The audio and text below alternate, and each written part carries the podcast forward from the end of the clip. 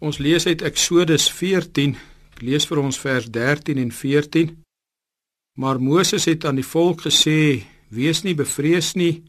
Staan vas en aanskou die verlossing van die Here wat hy vandag vir julle sal bewerk. Want soos julle die Egiptenaars vandag sien, sal julle hulle nie weer sien in ewigheid nie. Die Here sal vir julle stry en julle moet stil wees." Lees dit weer vers 14. Die Here sal vir julle stry en julle moet stil wees.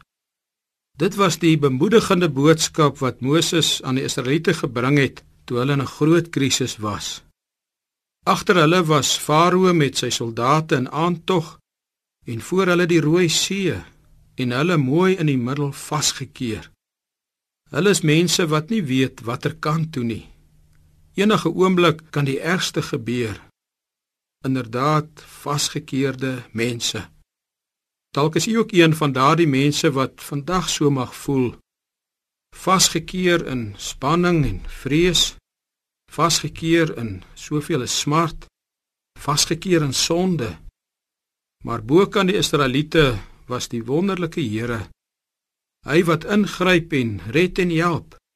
Hy wat doen wat geen mens kan doen nie werp u met stille geloofsvertroue in sy arms.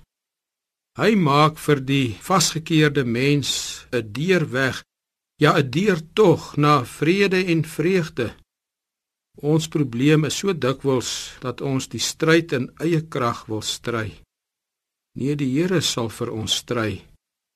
Glo u dit? Leef dan volgens hierdie voorskrif. Die Here sal vir julle stry en julle moet stil wees. Kom ons saam bid. Onse Vader wat in die hemel is, ons dank U dat U sterker is as wat ons is. Ons dank U dat ons altyd op U mag steun. U die een wat in ons stryd naby ons sal bly. Amen.